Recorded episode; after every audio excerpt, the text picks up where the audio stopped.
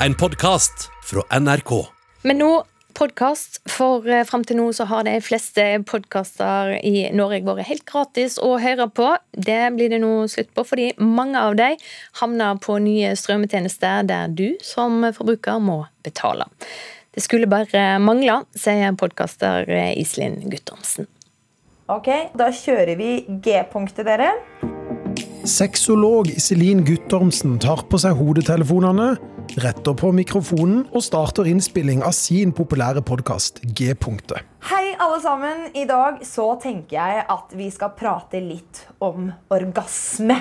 Podkasten er gratis og er finansiert av annonsører. Men fra høsten av må lytterne betale. Når jeg også ser at de andre store podkastene gjør det, så er det naturlig for meg å også gjøre det. Hennes podkast er bare en av mange podkaster i Norge som fra høsten av forsvinner bak betalingsmur. Det betyr at du som forbruker må betale en fast månedlig sum for å få tilgang til en strømmetjeneste der flere podkaster ligger. Samme konsept som de fleste kjenner fra f.eks. Netflix. Hvis folk skal ha Netflix-abonnement, HBO-abonnement, Spotify-abonnement, Storytel-abonnement, hvorfor skal de også bruke penger på dette? Vi har veldig tro på at hvis du har det riktige innholdet, eh, har høyt kvalitetsinnhold, har det innholdet som folk eh, vil ha, i kombinasjon med en god produktopplevelse, de tingene der tror jeg gjør at vi kommer til å ha et konkurransefortrinn i den konkurransen som er der ute. Forklarer konserndirektør i Skibsted, Siv Juvik Tveitnes. Senere i år kommer også Skibsted med en egen podkasttjeneste som skal tilby eksklusiv tilgang til flere av landets største podkaster. Hans Petter Nygaard Hansen er kommunikasjonsrådgiver og følger bransjen tett. Når såpass mange store norske podkastere flytter seg fra de tradisjonelle kanalene til nye, så kan det ha betydelige endringer i markedet fremover. Tusen takk til eh, dagens Tilbake til lydstudio, der Iselin Guttormsen er i ferd med å avslutte ukens podkastinnspilling. Vi snakkes og hørs neste søndag. Ha det bra så lenge! Reporter i denne saka, Christian Ingebretsen. Velkommen til Nyhetsmorgen, Hans Petter Nygaard Hansen. Morgen, morgen. Kommunikasjonsrådgiver og en av de i Norge som følger podkastmarkedet tettest. Hvor store endringer vil dette, dette føre til for brukerne av podkaster framover? Altså Det er jo to store ting som skjer, og noe av det fikk vi jo høre akkurat. Det, det ene er jo at vi må belage oss på å bruke flere podkastspillere. Eh, mange av oss har kanskje vært vant til at alt av podkast kan vi høre på via Apple Podcaster, eller tidligere kjent som iTunes. Og det andre er at vi må i større grad belage oss da på å betale for å lytte på favorittpodkastene våre. Men de fleste av oss hører aldri eller sjelden på podkast. Er det ikke da en ganske stor risiko å begynne å kreve betaling? Jeg tror timingen er ganske så perfekt. Eh, nå hørte vi litt fra Skipsted her, og det er klart eh, de norske mediehusene har jo eh, opp gjennom årene kanskje hatt en tendens til å neglisjere og ignorere en del av de store trendene. Og når du sier at de aller fleste ikke hører på, altså 17% av Norges befolkning hører på podkast daglig, 30% av de mellom 20 og 40 år hører på podkast daglig, og, og, det er jo i seg selv en ganske sterk kjøpegruppe, hvis vi kan kalle det det. Så demografien blant de som bor i store byer, byer, de unge, hippe, velutdannede osv., som veldig mange aktører ønsker å nå, ja, de hører på podkast mye mer enn det de f.eks. hører kanskje på DAB-radio. Er det ei betalingsvillig gruppe? Altså Undersøkelsene per dags dato sier at de fleste ikke vil betale. Men det skulle jo bare mangle at de fleste ikke svarer det, for når de er vant til at ting er gratis og blir spurt om de har lyst til å betale, bl.a. for å slippe reklame, så svarer vel fire av ti omtrent at de er villige til det. Eh, hadde du spurt den norske befolkning for noen år tilbake om de var villige til å betale for nyheter på nett, så ville de svart akkurat det samme. Nå ser vi at de er vant til det også. Så dette vil nok snu i takt med at det unike innholdet, det gode innholdet, om det er G punkt osv. Det ønsker folk å lytte på, og da vil de betale for det også. Mange har jo fått med seg at to av Norges største podkaster, Radioresepsjon og Friminutt, går fra NRK til Skipsted. Hvordan vil denne nye markedssituasjonen påvirke NRK framover, som jo er en stor aktør når det gjelder podkast i Norge? Altså Det er jo ikke noe nytt det heller at noen forlater et mediehus for å begynne et annet mediehus. Vi har jo sett liksom NRK som har mista Skavlan til TV 2 og Brille til TV Norge. Og journalister har jo også hatt en tendens til å flytte seg fram og tilbake. Eh, så det er ikke noe, er ikke noe nytt i så måte, men det er kanskje et nytt fenomen å si litt om posisjonen til podkast, hvor mye viktigere den er i ferd med å bli.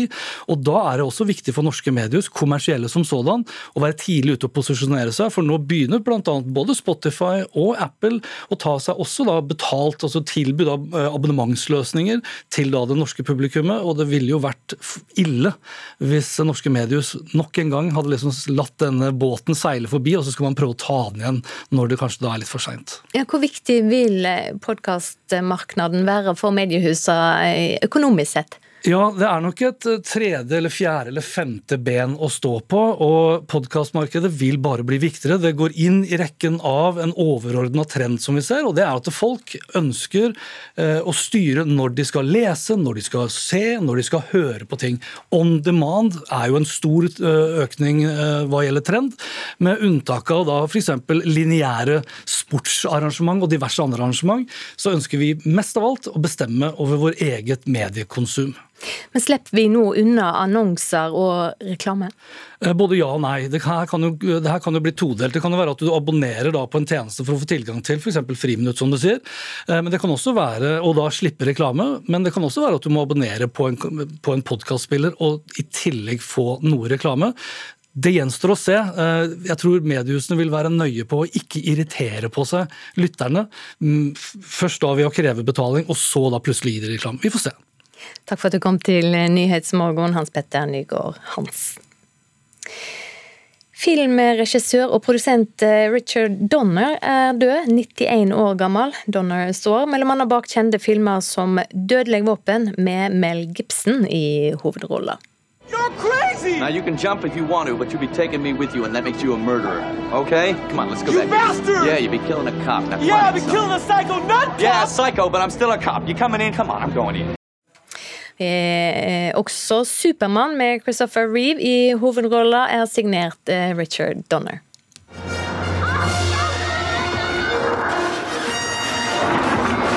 Okay, kids, all right now.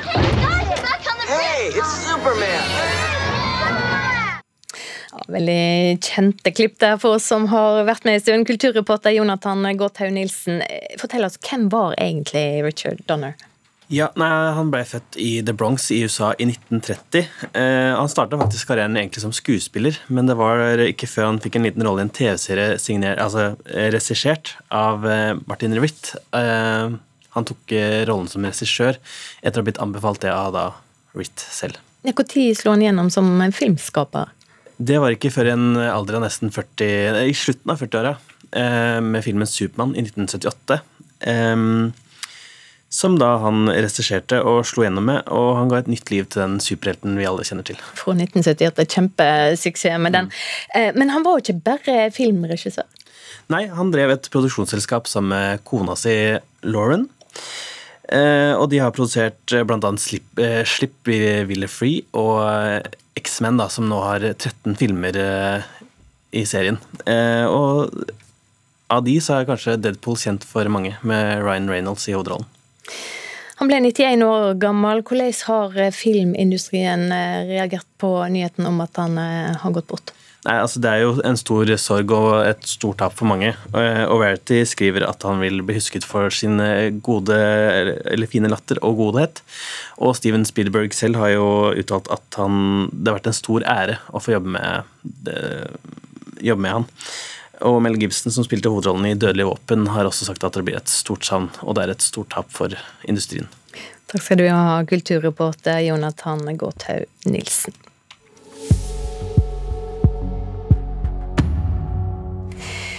Annenhver sommer går Momentum-biennalen av stabelen i Moss. I år for ellevte gang under tittelen House of Commons. Men bare noen dager før åpninga i starten av juni ble det sendt ut en pressemelding om at biennalen var utsatt fordi det var kommet til brudd mellom institusjonen og kuratoren for prosjektet.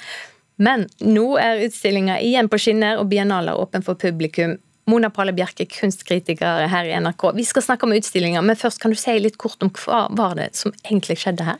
Ja, det er jo ganske dramatisk og spesielt. Altså det, eh, Dag, Sveinar, Dag Ask Sveinar, som er direktør for Galleri F15 og for Momentum, han skrev i en pressemelding at dette handlet om kontraktsbrudd fra kuratorens side. At han rett og slett ikke hadde levert tekst, f.eks., og ikke leverte på arbeidet sitt. Eh, og dette er jo en veldig uvanlig situasjon. Altså, kan man egentlig ha en biennale uten eh, kurator? Kan man løsrive et åndsverk på den måten fra den som har skapt det? Men de sier jo at de skal holde seg til hans konsept, og at biennaleteamet da skal være tro mot hans intensjoner, da, som eh, det heter. Ja, Hva er egentlig da intensjonene hans? Prosjektet heter jo House of Commons. Hva er tematikken? Tittelen refererer jo til det britiske parlamentet og tokammersystemet med overhus og underhus, House of Lords, House of eh, Commons. Og dette ordet commons er jo veldig ladet for oss, ikke sant? Særlig her i Norge så klinger det surt i våre ører. Vi har jo ikke hatt noe særlig adel, har jo dyrket likhetsidealet veldig, veldig sterkt. Og har jo en veldig sterk følelse av at ingen kan være hevet over eh, noen andre. Så det er jo en veldig innarbeidet forestilling hos oss. Men ellers syns jeg konseptet er ganske uklart. Det kan selvfølgelig handle om eh, at det mangler tekst, og det er ting kuratoren ikke har levert, men eh, det er ganske krevende, syns jeg, å få fatt på egentlig rammen. Og så er det slik at biennalen blir vist på flere steder i Moss? Ja, Det er en veldig nedskalert eh, biennale i år, så det er i hovedsak på Galleri F15 at det skjer. Men det er en bitte liten utstilling også på Moss kunstforening, og i noen flotte arkitektoniske strukturer ute i det praktfulle landskapet eh, ved Galleri F15 på Jeløya. Eh, og der er det blant annet da en av disse strukturene som kalles for plattformen, og der vises da inne i denne, eh, denne plattformen så vises en film av Siri Hermansen, som er kjent for å gjøre en type arkeologiske undersøkelser og grave frem spor fra vår nære fortid. Og det hun gjør her, er i en film å undersøke tredjegenerasjons tyske etterkommere etter nazister, og hvordan de håndterer den tunge arven. Så det er en fantastisk og spennende reise inn i den kollektive tyske skyldfølelsen. Var det andre prosjekt du, du festa deg ved? En liten stemningsfull installasjon av den indiske kunstneren Gotam Gautam Ghosh. I et uh, mørkt rom så er det en spotlight hvor du ser små objekter. Noen av dem ser ut som de er gravd ut av jorden, er eldgamle, mens andre er liksom tek type teknologiting som du skjønner er av litt nyere dato, også som en type samtidsruiner. Uh, Men da jeg ba om pressebilde til dette, så fikk jeg beskjed om at det kunne jeg ikke få, fordi det er uklart om Ghosh faktisk er med i biennalen. Og det gjaldt faktisk flere arbeider. Noe er dekket med laken, så dette virker jo mildest talt uh, uprofesjonelt da, og uh, uklart. Ja, Det høres jo litt spesielt ut. Ja, dette er jo helt oppsiktsvekkende. Hvorfor slipper man presse og publikum inn i en utstilling der det er uklart hva som inngår? Så dette er jo bare helt utrolig at ikke de heller holdt stengt litt lenger. Jeg syns jo også at dette Biennale-prosjektet kanskje har krasjlandet litt i denne konflikten, for det er veldig uklart både konseptet og helheten, da, i og med at man ikke engang vet hvilke verk som inngår. Men det er klart at eh, det å ta turen til Moss og få med seg noen av disse flotte enkeltverkene, for dem er det jo noen av, selvfølgelig, det er jo likevel eh, verdt turen. Takk skal du ha, kunstkritiker her i NRK, Mona Pale Bjerke. Og du kan finne flere meldinger på nrk.no anmeldelser. Du har hørt en podkast fra NRK. Hør flere podkaster og din favorittkanal i appen NRK Radio.